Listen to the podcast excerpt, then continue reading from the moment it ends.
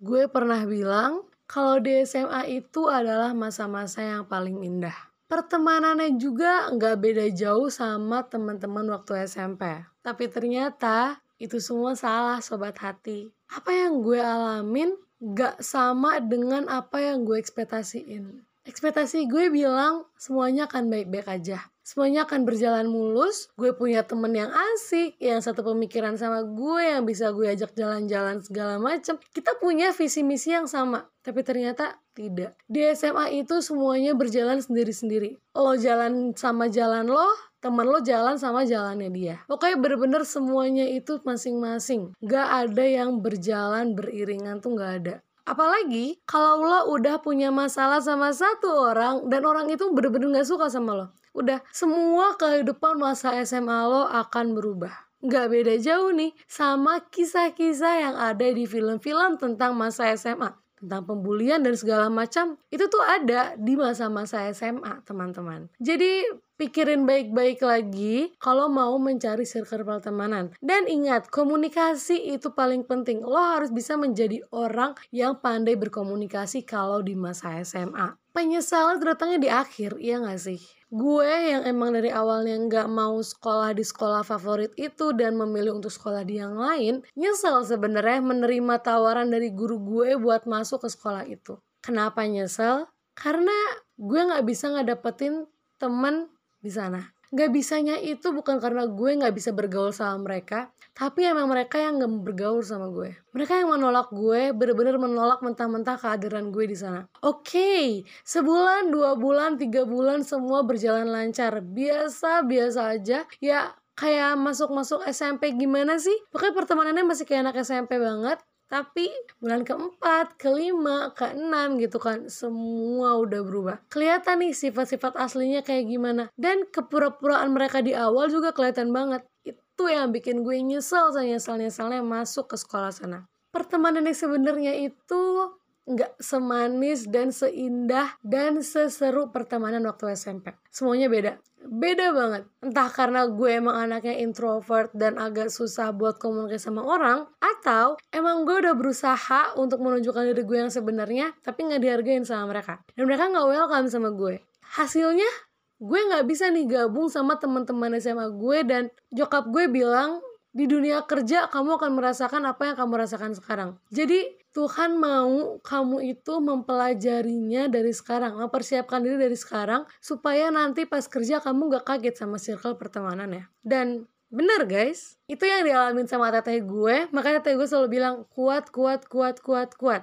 Gue emang anaknya lemah dari kecil, fisik, batin semuanya lemah. Bener-bener selemah itu, makanya gue sering banget yang namanya pingsan, pingsan, pingsan, pingsan. Kalau lo tanya gue pingsan kenapa? gue pingsan bukan karena gue emang lagi sakit yang bener-bener sakit tapi karena gue ngebatin lo tau gak sih orang ngebatin kayak gimana stres pikiran gimana pun lari ke mana-mana gitu kan Gak cuma mikirin satu hal aja tapi banyak banget yang ada di pikiran lo nah itu yang bikin gue bener-bener sampai sering banget pingsan sering banget gak masuk sekolah. Gue pernah sampai tiga bulan gak masuk sekolah. Sebulan dua bulan gak masuk sekolah tuh gara-gara gue sakit. Sakit yang emang bener-bener gue sakit karena gue ngebatin. Bebe gue kecil badan gue kecil banget bebe gue turun. Pokoknya bener-bener se ngebatin itu teman-teman. Kalau lo tanya gue ngebatin kenapa? Karena gue dijauhin sama semua temen sekelas gue. Lo bayangin gue di kelas bener-bener apa ya sendirian gak ada teman sama sekali. Pernah suatu ketika waktu lagi kelas 2 itu lagi ada uh, kerja kelompok gitu kan pakai tugas kelompok gitu. Dan lo tahu gue kan gak masuk sekolah nih karena gue emang lagi sakit posisinya waktu itu. Dan tahu-tahu nih di grup tuh bagian kelompok nama gue nggak ada. Bener-bener gak ada nama gue di situ. Gue langsung kayak loh kok nggak ada sih? Panik yang bener-bener sepanik itu gitu kan akhirnya ya udah tuh tahu-tahu besoknya nama gue muncul kan di kelompok Nah, mereka ini ngerjain tugas apa yang posisinya gue lagi di rumah dan gue nggak bisa datang kan lagi sakit ya. Ya akhirnya gue nggak bisa ikut ngerjain tugas kan. Gue mau ngebantuin tapi nggak boleh sama mereka. Gue bingung nih di sini. Ini gimana maksudnya gitu. Sampai akhirnya ya udah gue bilang lah ke gurunya, Pak, saya nggak dapat kelompok, boleh nggak ngerjain tugas saya sendiri? Berhubung gurunya adalah guru yang baik, yang asik gitu kan. Dan gue menceritakan semuanya dari awal sampai akhir. Akhirnya gurunya bilang, ya udah nggak apa-apa, kamu kerjain sendiri aja. Enak kan kayak gitu? Jadi kayak gue ngerasa, wah nih guru baik banget gitu kan. Tapi ternyata nggak nggak seenak itu Sejak saat itu banyak banget kata-kata kasar, kata-kata yang bikin sakit hati yang keluar dari mulut teman-teman gue ke gue. Gue dibilang anak yang gak bisa diajak kerja sama lah. Gue dibilang anak yang menjauhkan diri lah. Gue dibilang anak yang sok pinter lah. Pokoknya banyak banget kata-kata nyakitin yang keluar dari mulut teman-teman gue. Dan gue difitnah. Jadi pernah ada kasus uh, gue sama temen gue nih yang di mana temen gue ini ngambil duit gue sejuta. Sejuta atau dua juta ya gue lupa. Pokoknya tapi dia ngambilnya tuh nggak langsung banyak gitu loh dicicil gitu. Nah mama gue nih datang ke sekolah laporan kan ke wali kelas kita. Dan si anak ini dipanggil Nah muncullah tuh berbagai macam fitnah gitu kan. Dibilang gue yang anaknya tukang ngadu lah Terus gue dibilang gue ngefitnah teman gue inilah Pokoknya banyak banget fitnahan yang datang. Dan itu bikin gue sakit hati bener-bener sakit hati. Gue yang udah ngebatin sampai ngebatin banget gitu loh Sampai gue pengen banget nih pindah sekolah. Gue sampai ke nyokap ke kakek bilang aku mau pindah sekolah nggak mau tahu. Itu kayak kekeh banget gitu loh. Saking capeknya saking kayak udah apa ya udah nggak kuatnya menghadapi teman-teman gue ini gitu. Emang belum masuk ke dunia pembulian cuma ya omongan fitnahan fitnahan mereka tuh udah mulai nyakitin hati kayak head speech gitu loh. Dan setelah itu ya kakek gue bilang kamu pindah ngapain nggak punya teman ya udah nggak apa-apa biar ditemenin aja sama mbah ditemenin aja sama mama kamu gitu. Awalnya gue dibolehin pindah. Awalnya nih, udah siapin semuanya.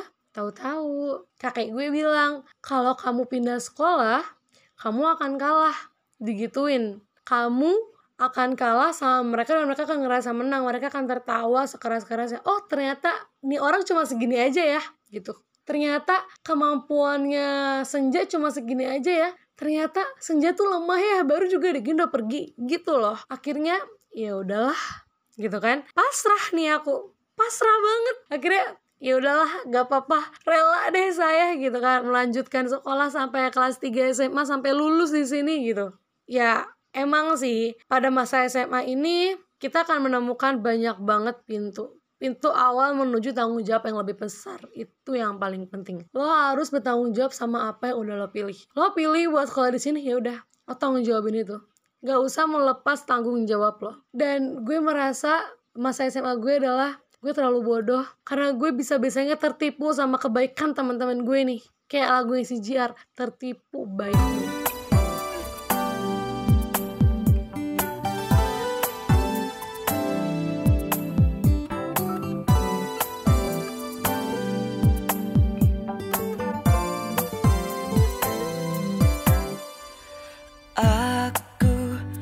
Seneng diperhatiin sama kamu.